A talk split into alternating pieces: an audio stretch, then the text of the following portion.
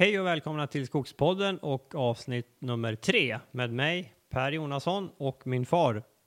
Bo Jonasson. Bosse, vad ska vi prata om idag? Idag ska vi prata om gallring. Gallring, perfekt. Jag tycker vi börjar med att gå igenom samtliga gallringsmallar ifrån T18 upp till G36. Och när vi har gjort det så går vi in och tittar på antal Nej men, stammar. nej men stopp där. Det här, det, här, det här var inte riktigt som jag hade tänkt det. Vi skulle ju faktiskt prata om hur vi gallrar. Ja. Det där gallringsmallarna och mycket andra fakta om gallring, det finns tillgängligt för alla. Ja. Men eh, det, det vi gör, det hur vi gör gallringarna, det, det är det vi uppehåller oss vid idag. ja, du tänkte så. ja. Ja, Det det, kan vi också vi, det var vi allt ganska överens om. Ja, Mm, ja. ja. ja. men låt oss göra så. För vi, du, vi gallrar lite annorlunda och det var, vi snuddade vid det förra avsnittet. Det, vi- och det speciella är att vi drar alla stickvägar och stämplar all eh, gallringsskog själv. Vi tycker att det här är ett riktigt, att, riktigt sätt att öka värdeproduktionen i skogen. Eh, vi ska påminna om att i de tidigare avsnitten här med, som har handlat om beståndsanläggning och röjning, redan där kom det här med att selektera ut de bra träden. Det vill säga beståndsanläggningen, det, vi vill väldigt gärna anlägga blandskogar av tall och gran med inslag av löv. Och i röjningarna så börjar vi selektera så för att få fram en bra kvalitet. Ja. För det här med, med bra timmerkvalitet, det tycker vi är väldigt viktigt. Och mycket av det här med gallringen, det går ut på samma sak. ja. Och där har vi ju sett det i, ett- i ett examensjobb som är gjort här på Gusselborg. Väldigt tydligt skillnader i eh, klass 1 eh, stockar jämfört med omkringliggande skogar. Ja, eh, det var en student vid Linnéuniversitetet som gjorde en, eh, ett examensarbete här. Eh, Det lades ut då provytor, cirkelytor, i ett antal bestånd som var gallrat för andra gången vid cirka 55 års ålder. Och den fråga vi ville ha svar på, det var hur många raka oskadade tallar står det i de talldominerade bestånden efter andra gallringen? Och resultatet av eh, den, det examensarbetet, det var det att på Gusselborg så är det över 80 procent som är raka och oskadade. Eh, vid samma tillfälle så lades det ut också i en storskalig skogsbruksgranne i den grannens skog. Likadant så lades det ut cirkelytor och där var procentandelen eh, raka oskadade stammar strax över 50 procent. Var det 52 procent? månntro? Nå, någonstans där, ja. Ja. Jämfört då med över, väl över 80 procent Ja. på, på Gusselborg. Närmare 90 faktiskt. Det var knappt 90 jämfört med drygt 50. Ja. Och det här är ju då, jag menar, det är ju inte bara vid gallringen, utan det är ju vid röjningen och sådden, beskogningen också. Men jag, jag personligen tror jag att en hel del av det här, äh, de här äh, fås vid gallringen, den, äh, när du stämplar själv. Det, det är ju faktiskt ganska lätt att göra de här stämplingarna i eh, tidigare skötta bestånd. Eh, och man kan, öka, man kan öka den genomsnittliga kvaliteten högst avsevärt genom Mm. det här ingreppet. Ja.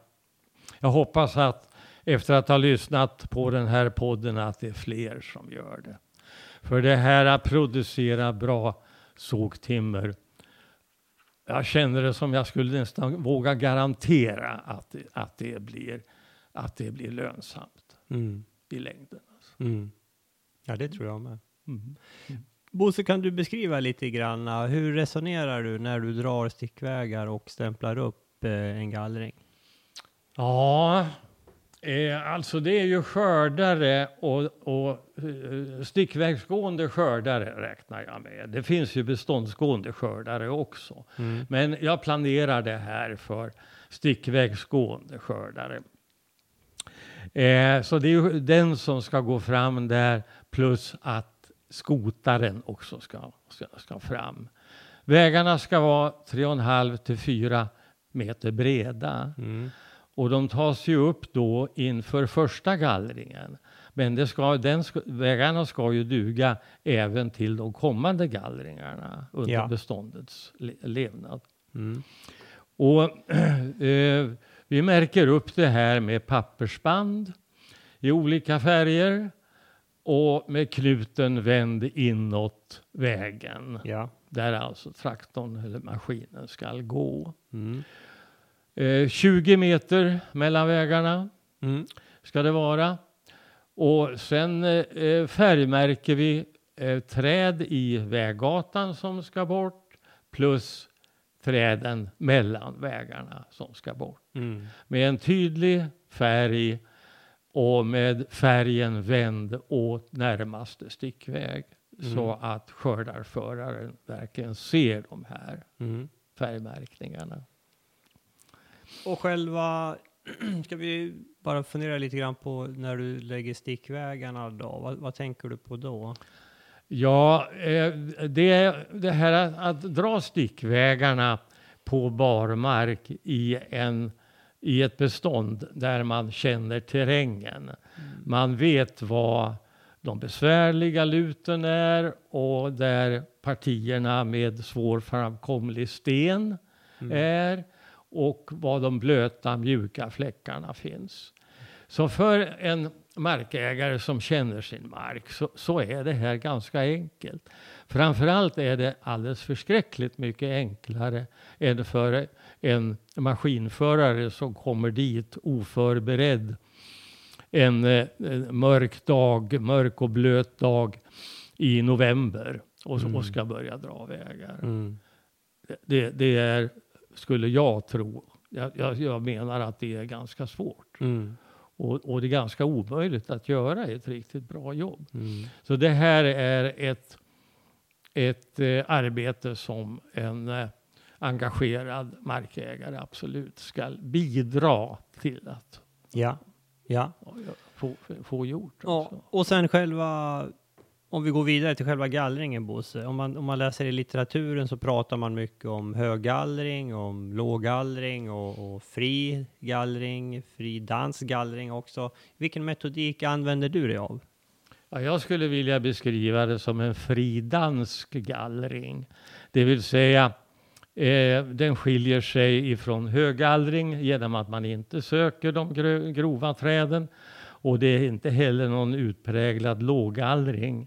Utan gallringen omfattar såväl de grova träden som de medelgrova och de klenare träden.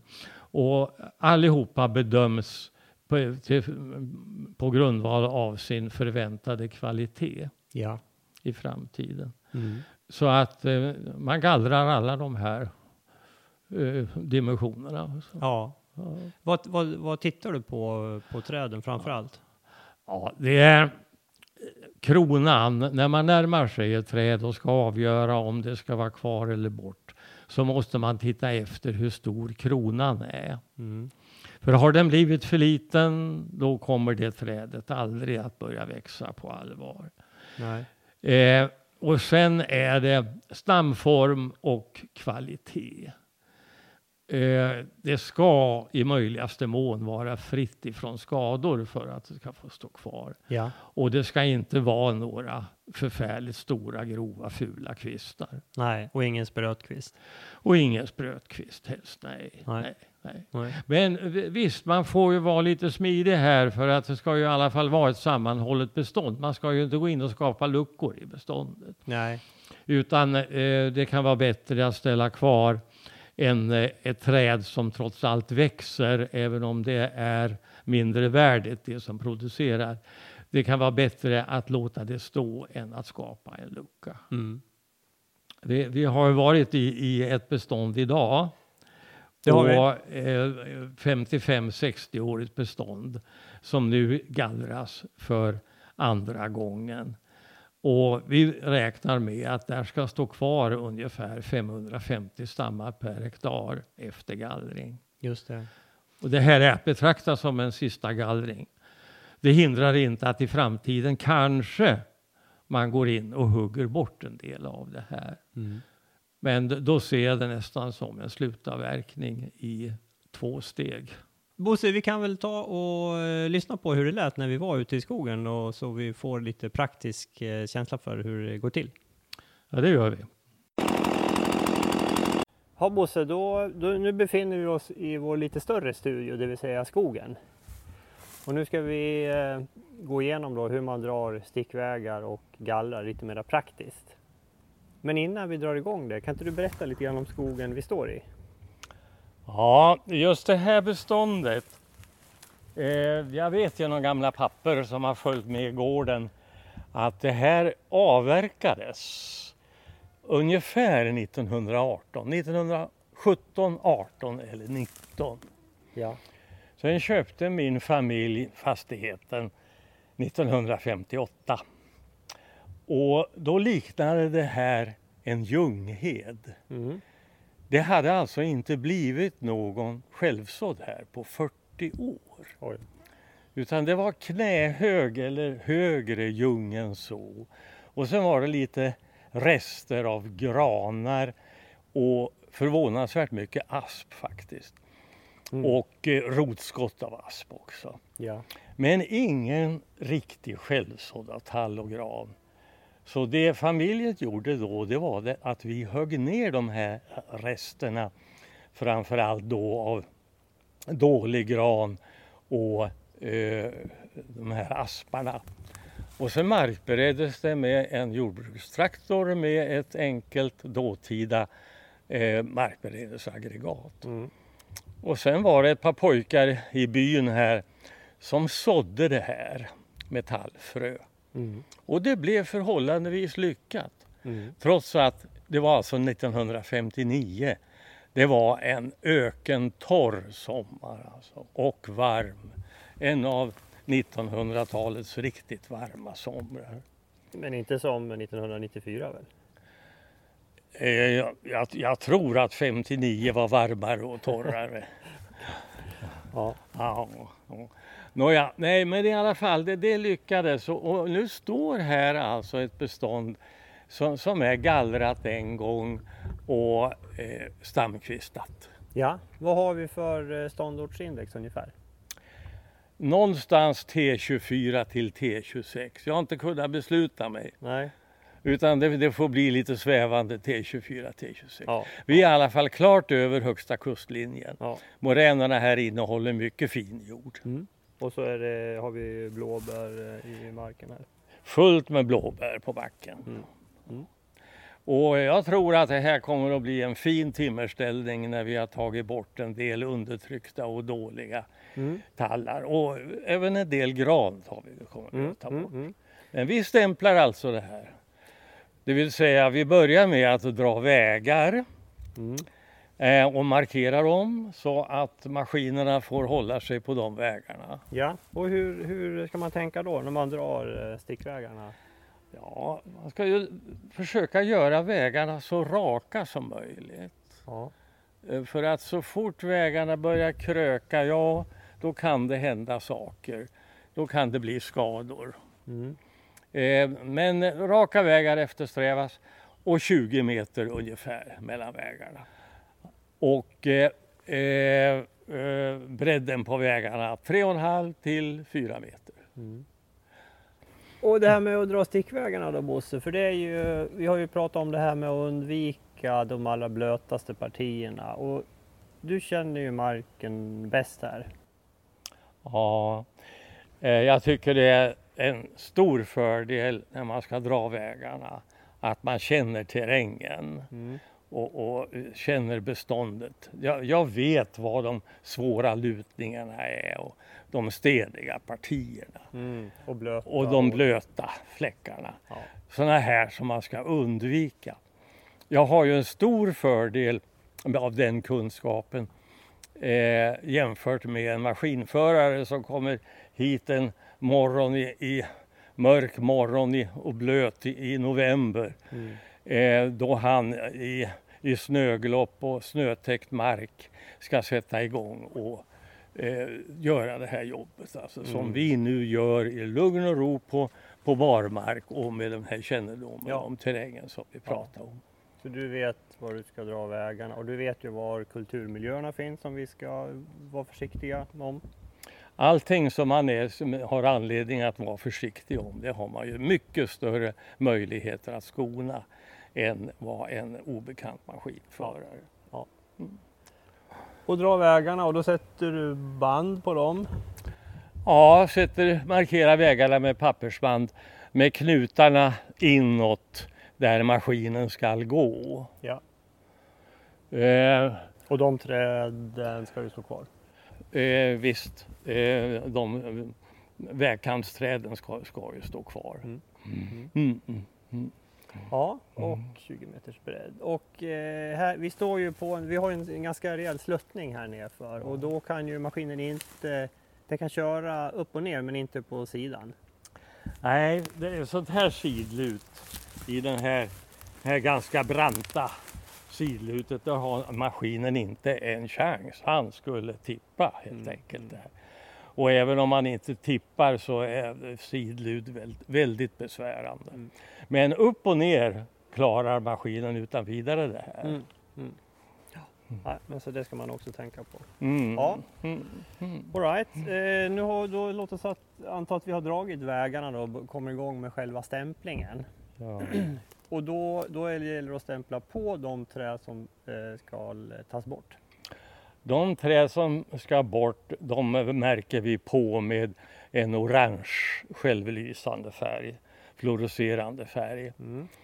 Och vi är noga med att eh, det ska synas ifrån närmaste stickväg Ja. så att skördarföraren hela tiden ser utan ansträngning vilka träd som ska bort. Mm. Mm. Och framför oss så har vi nu en, en kvistig och lite krokig tall. Jag ser Mm. ett toppbrott där på tre meters höjd. Just det. Och sen är det en grovkvistig både neråt och uppåt. Ja. Och sen är det en dubbeltopp på den till och med där uppe. Ja. Som kronan på verket. Ja. Den där ska bort ska därför bort. att den konkurrerar nu om ljus och näring med, ja i första hand två stamkvistade tallar. Mm. Riktigt fina tallar faktiskt. Mm. Mm. Eh, så det är ett väldigt givet stamval. Mm. Vi kommer också att ta bort här ganska många granar faktiskt. Ja. Men inte alla granar utan, utan eh, vi har en fyra meter bort en, en liten gran. Den är inte mer än eh, 6-7 centimeter i brösthöjd. Den får gärna stå kvar. Ja. Den gör ingen skada. Nej. Nej, men det är bra. Eh, Ja, ska vi titta på någon mera grupp då? Om vi går Ja. lite eh, framåt här. Vi kan titta på vägen. spåren på marken. Vi har nytt inslag här är, är vildsvin. Ja. eh, som eh, tycker om, ja, bland annat den här typen av mark. Eh, där det är eh, ren mossa på marken. Mm. Den älskar de tydligen att, Mm. att böka upp. Mm. Och de, de hittar väl någon välsmakande mat där. Här har vi kommit in i en grupp med, det är ändå en fem sex tallar som står rätt så tätt. just just just. Hur, hur resonerar du här då? Ja, visst. Ja, vi spanar in först de, de fina tallarna, de som är stamkvistade och raka och oskadade. Och det är beroende på hur stor vi gör gruppen så är det, det är väl fyra stycken i alla fall fina, fina tallar. Mm. Men där står också eh, och i första hand två stycken kvistiga tallar Ja. som vi väldigt gärna vill ha bort. Och ehm, vi flyttar över tillväxten ifrån eh, de här dåliga tallarna till de bra tallarna Mm. genom det här ingreppet. ja. den här kvistiga med eh, Ja. sprödkvisten bit upp också, den, den eh, försvinner förstår jag. Den försvinner och den där också kvistig. Ja. Men det är ändå en ganska hygglig timmerstock på roten på den. Men med en kvistig. Ja, och, och, och det måste bort för annars blir det för tätt här. Ja, Ja, för då kommer de här två som vi står nära, de kommer att få ljus och sen har vi den som står där eh, en bit längre bort. eh, det är en, en kvistig tall som står fritt. Ja, det där kan man tveka om. Eh, för att längre söderut där, 5, 6, 7 meter bort så är det ju två fina tallar. Ja. Och, och där är ytterligare en fin tall. Ja. Ja, vi tar nog den där också. hör. ja. För då skapar du utrymme åt, åt ganska många plötsligt. Ja. Ja. Har, går du, har du några riktlinjer på stammar per hektar när du är klar efter andra gallringen? Eller efter sista gallringen? Kanske lättare att säga. Ja. ja, det här beståndet är ju nu ungefär 60 år och, och det här är att betrakta som en sista gallring. Mm. Nu skulle det ändå kunna bli på det viset att man om ett antal år här väljer att gå in en gång till. Men då, då är det, tycker jag, kanske inte en renodlad gallring längre utan då, utan då man kan se det som en, en början till en slutavverkning. Ja. Att man väljer att inte hugga ner det här vid ett enda tillfälle. Utan kanske att priserna är gynnsamma. Och förresten, vi har egentligen ingen anledning att fatta för många beslut Nej.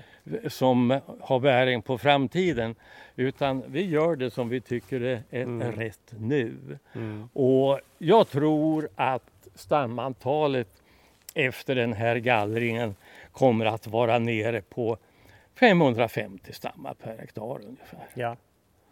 Det brukar bli det. Jaha. 550 per hektar. Ja. Ja.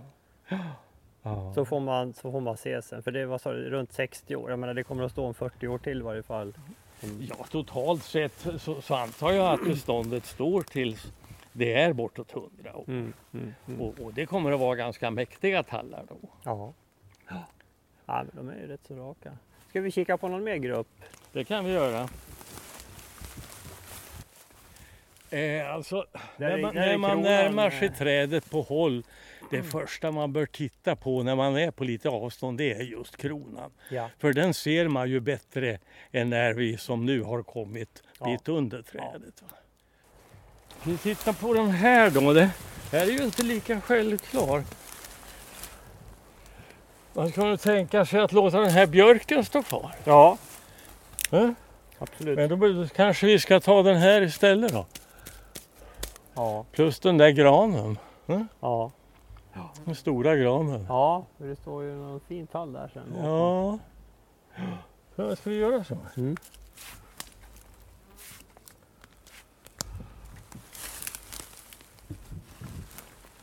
Då får björken vara kvar. Ja, Och den här lite mindre granen får också stå kvar. Då tar vi den här större granen. mm. Ja. Nej, men bra. Här är en väldigt fin stam. Alltså. Ja. Så det du tittar på, du börjar med att titta på lite håll. Du tittar på, på kronan, hur den ser ut. Om den är eh, stor och frisk och frodig. Ja. Eller om den är liten och klen. Mm. Eh, och de små och klena eh, förslagsvis tas bort. Då. Och sen tittar du också på stammen förstås. Om det är några skador. Rakhet. Kviststorlek på tallen. Mm. Även på granen. Mm. Mm. Och sprötkvist. Ja. Tidigare skador så har vi be- tidigare betesskador också. ja, absolut. Ja. När det gäller eh, maskinförare, när du nämner det Bosse, jag vet att du brukar också i princip varje dag prata med dem. Jag har ständig kontakt med maskinförarna. Och eh, de, de vet det att de får ringa precis när de vill om det är så att det dyker upp ett problem som behöver att de behöver svar på en fråga. Ja. Ja, Men just att ha den här diskussionen i princip eh, Ja. dagligdags och Ja. eh, ha en tät kontakt. Ja, Mm. ja, en direktkontakt med maskinförare är väldigt värdefullt ur alla synpunkter. Ja. Ja. Så, nu ho- hoppas vi att vi kunde förmedla en eh, inblick i hur det kan gå till. Vad finns det mer att säga, Bosse? Ja, man, man skulle ju kunna säga det att, att skogen klarar sig egentligen ganska bra utan gallring. Mm. Utan gallringen är mera till för skogsägarens ekonomi. Mm. Alltså i stort sett det man åstadkommer det är att man tar ut en del av skörden tidigare. Mm. Man eh, alltså sänker det bundna kapitalet i skogen. Mm. Samtidigt som man åstadkommer någonting annat, nämligen flyttar över tillväxten ifrån dåliga träd till bra träd. För man ska klart för sig detta, att man ökar aldrig tillväxten med att gallra. Nej. Man, man träffar ibland på den åsikten. Att, för det är ju så här att det enskilda trädet kan öka sin tillväxt. Men totalt per hektar ökar man ingen tillväxt. Nej. Den sänker man. Och kurvorna ser lite annorlunda ut för, för gran och tall där. Ja, det är särskilt tallen som, som är känslig för om man sänker virkesförrådet för mycket. Mm. Då kan man få en märkbar sänkning av tillväxten. Mm. Eller produktionen per hektar, ska vi säga för att vara tydliga. Ja. Lite historia. 1960 så gallrades det i Sverige ungefär 800 000 hektar per år. Mm. Och nu är man nere faktiskt i under hälften av det. Det som skedde då på den tiden, det var det att man... Ja, det var eh, på sätt och vis ett, gall, ett, ett hyggesfritt skogsbruk. Mm. En mycket stor del av tillväxten togs ut i form av gallringar. Ja. Så det, det, det liknar, liknar lite grann det hyggesfria skogsbruk som många förordar idag. Mm. Samtidigt ska man komma ihåg det att 1960 var det totala virkesförrådet i Sverige 2,2 miljarder skogskubikmeter. Ja. 2,2 miljarder motsvarande 96 skogskubikmeter per hektar. Mm. Och idag? Och idag så är virkesförrådet 3,4 miljarder. Mm. Det vill säga 148 skogskubikmeter per hektar. Mm. Så under de här 50 åren drygt som har gått så har förrådet ökat med ett, en skogskubikmeter per år och hektar Mm. i 50 år. Ja. Ja, helt eh, linjärt. Ja, ja. Det är ganska mycket eh, mera koldioxid vi binder i våra skogar idag då. Kolossalt. Vi har bundit kolossalt mycket koldioxid. Mm. Mm. Och Det bra. känns tillfredsställande att alla andra värden som skogen skapar så utöver det så gör vi det här den ytterst viktiga miljöinsatsen. Mm. Men här finns alltså i vårt tänkande väldigt mycket kvalitet. Mm. Framtida timmerkvalitet. Eh, Det är en av våra prioriteringar. Eh, Vår prioritering nummer ett, det är alltid det här med att skapa stormfasta skogar. Mm. Men prioritet nummer två, det är att producera bra sågtimmerkvalitet. Mm. Det kommer inte att bli överskott på bra sågtimmer i Sverige i framtiden. Nej. Men det kan bli överskott på massaved och Mm. bränsleved. Ja. Speciellt eh, talltimmer av god kvalitet kan ju bli en bristvara. Ja, jag tror att vi ska rikta in oss på att producera en blivande bristvara. Mm. Tillgång och efterfrågan. Ja. Bosse, du nämnde det här med stormfasta skogar. Hur kommer det in eh, när du, tänk, när du gör gallringen? Ja, det, det är ju viktigt det här att, eh, att, att vi gör den första gallringen i tid. Mm. Eh, Unge- Ungefär vid 30 års ålder så kommer som regel första gallringen. Och då är skogen 12, 13, kanske 14 meter hög. Ja. Men du hade ju också några, något färskt. Eh, Just det, jag Nej. kikade på uh, Södra kom ut med nya skötselinstruktioner för att minska stormskador. Det var erfarenheter efter stormarna Gudrun och Per. Och man, det här kom ganska nyligen, det är, jag tror det är något halvår sedan bara. Och där sa man sådär, påbörja gallringen eh, ungefär vid 12 till 14 meter. Ta ut högst 30 till 35 procent av grundytan. Gallra inte efter 20 till 22 meter. Det ska, då ska sista gallringen göras som senast och avverka senast 26 till 28 meter. Och det här gäller ju gran då. Så det var, det var Södrats skötselinstruktioner. Och det stämde ju med vad du sa där, 12 till 14 meter påbörja gallringen. Det här kan ju vara någonting att kika på. Det går ju att hitta på om man googlar lite på nätet då. det här med eh, stormfasthet och gallring. Det kan ju vara skäl att inte komma tillbaka och gallra för ofta i, i granskogarna. Nej.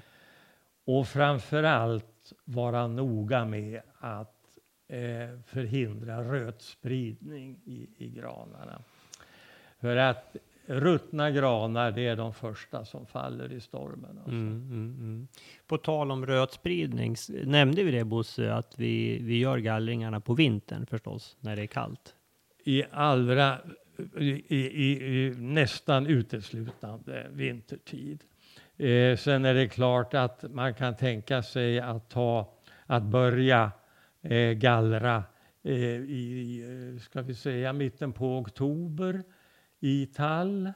Mm, mm. Eh, men gran vill vi vänta med ytterligare lite grann eh, efter första november och att slutföra särskilt grangallringar före sista mars. Ja, Det känns väldigt angeläget. ja. Vi har det här med rotickans spridning då som sker över 5 plus grader. Mm, mm, mm. Ja. Roticka vill vi inte sprida. Nej. Något mer du brukar tänka på när det gäller gallringen? Ja, det är det säkert, men jag kommer inte på det just nu. Nej. Nej. Men eh, lite kort sammanfattning då om man, eh, det du gör när du går ut. Eh, du drar stickvägarna själv, för du vet vart bark, marken bär, du vet vart eh, eh, kulturmiljöer finns som ska skyddas, du vet vilka träd som ska, absolut ska sparas. Och sen vid själva uppstämplingen så märker du på som ska bort och då tittar du på krona, hur kronan ser ut. Du tittar efter stamskador, kviststorlek och rakhet bland annat. Och eh, efter sista gallringen i en tallskog runt 550 stammar per hektar kvar. Ungefär så är det ju stora drag, ja. Nu, det här låter ju relativt enkelt när man pratar om det så här, men om man, om man, har, eh, om man är markägare och känner sig lite osäker på det här momentet, hur ska man gå tillväga för att liksom skaffa sig kunskapen? En sak man kan göra det är ju att inte göra den här fullständiga stämplingen som vi har pratat om nu. Men ersätta det med en något eh, enklare insats, nämligen att märka på sådana träd som man väldigt gärna vill ha kvar. Man går ut i den här tilltänkta gallringstrakten och går runt där med en färgspruta och sen märker man de allra bästa träden. Mm. För i, i, i all skog, även om den är av medelmåttig genomsnittskvalitet, så finns det i alla fall ett antal raka fina träd. Ja. Och det är ju synd om de ganska fåtaliga träden blir de som faller i gallringen. Mm. Mm. Så det kan ju vara en metodik att man märker på dem som man absolut vill ha kvar och så genomför man en, en vanlig gallring för övrigt. Ja, jag tycker att det kan vara ett, Mm. ett, ett gångbart alternativ. Mm. Vad, ska, vad ska man mer tänka på Bosse när det gäller gallring? Eh, jo, nej, men det här med, att- med stamvalet.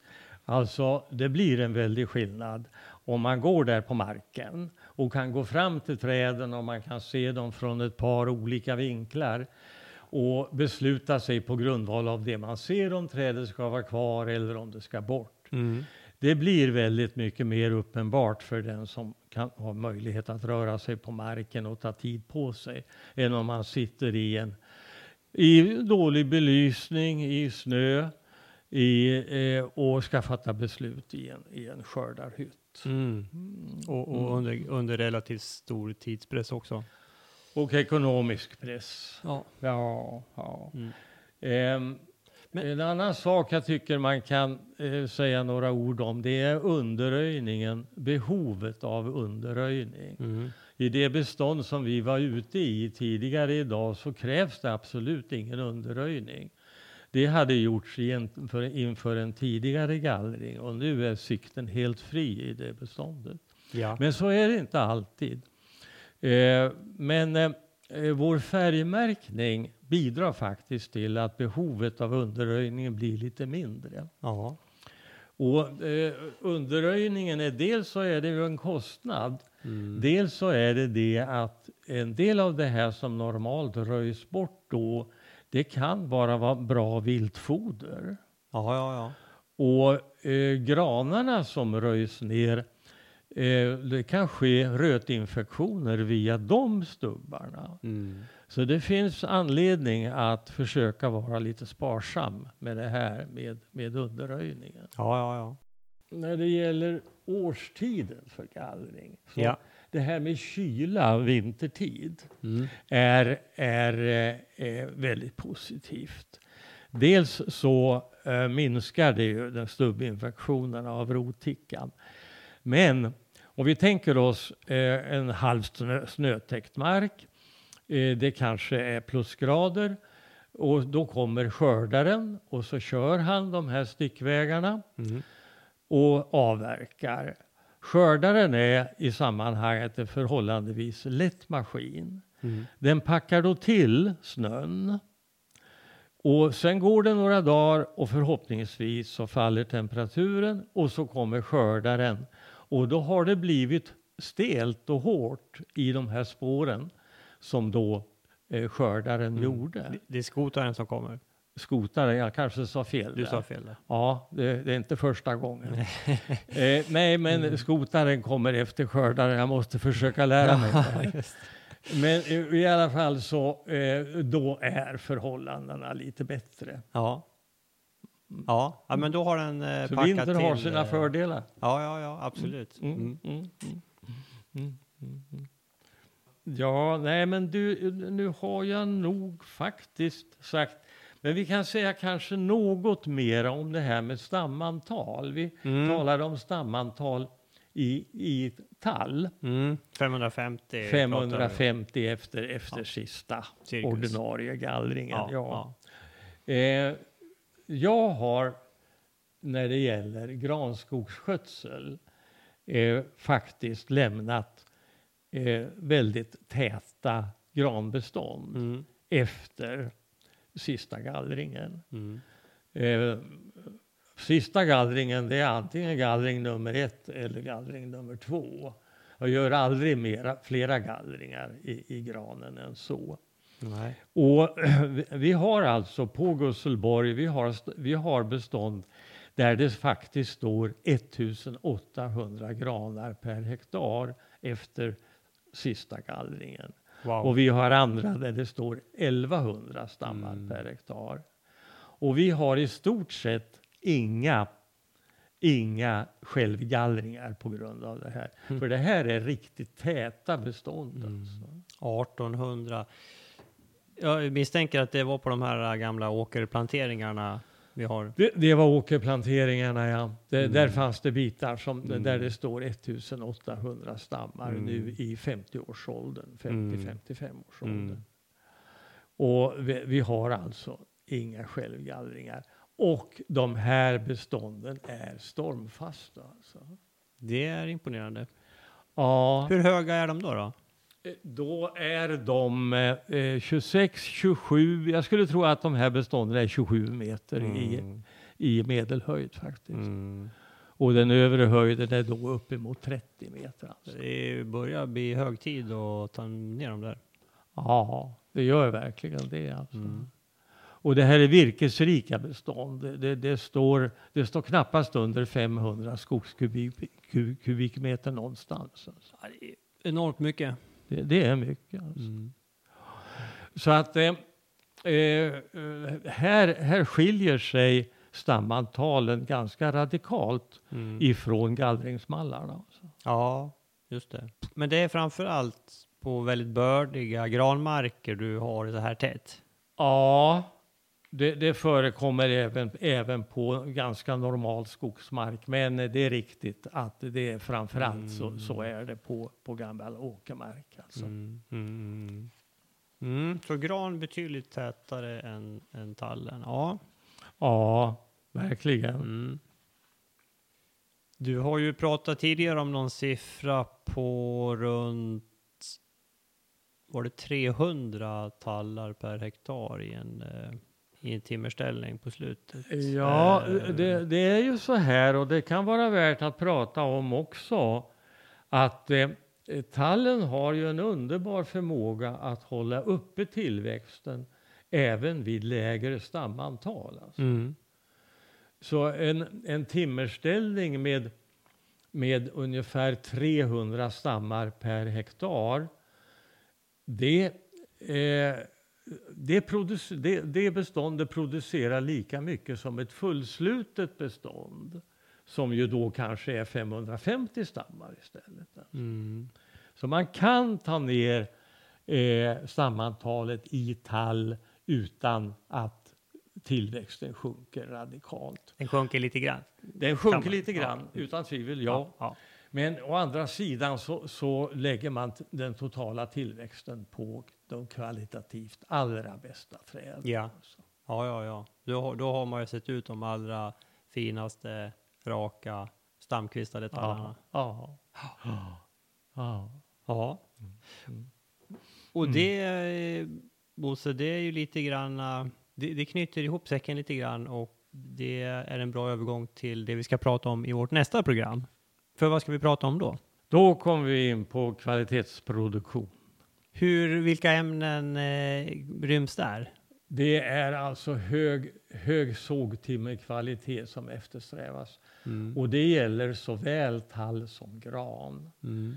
Jag kan tycka det att vi hör väldigt mycket talas om det här med ökad volymproduktion. Mm. De positiva effekter vi har av växtförädlingen och skötseln. Mm.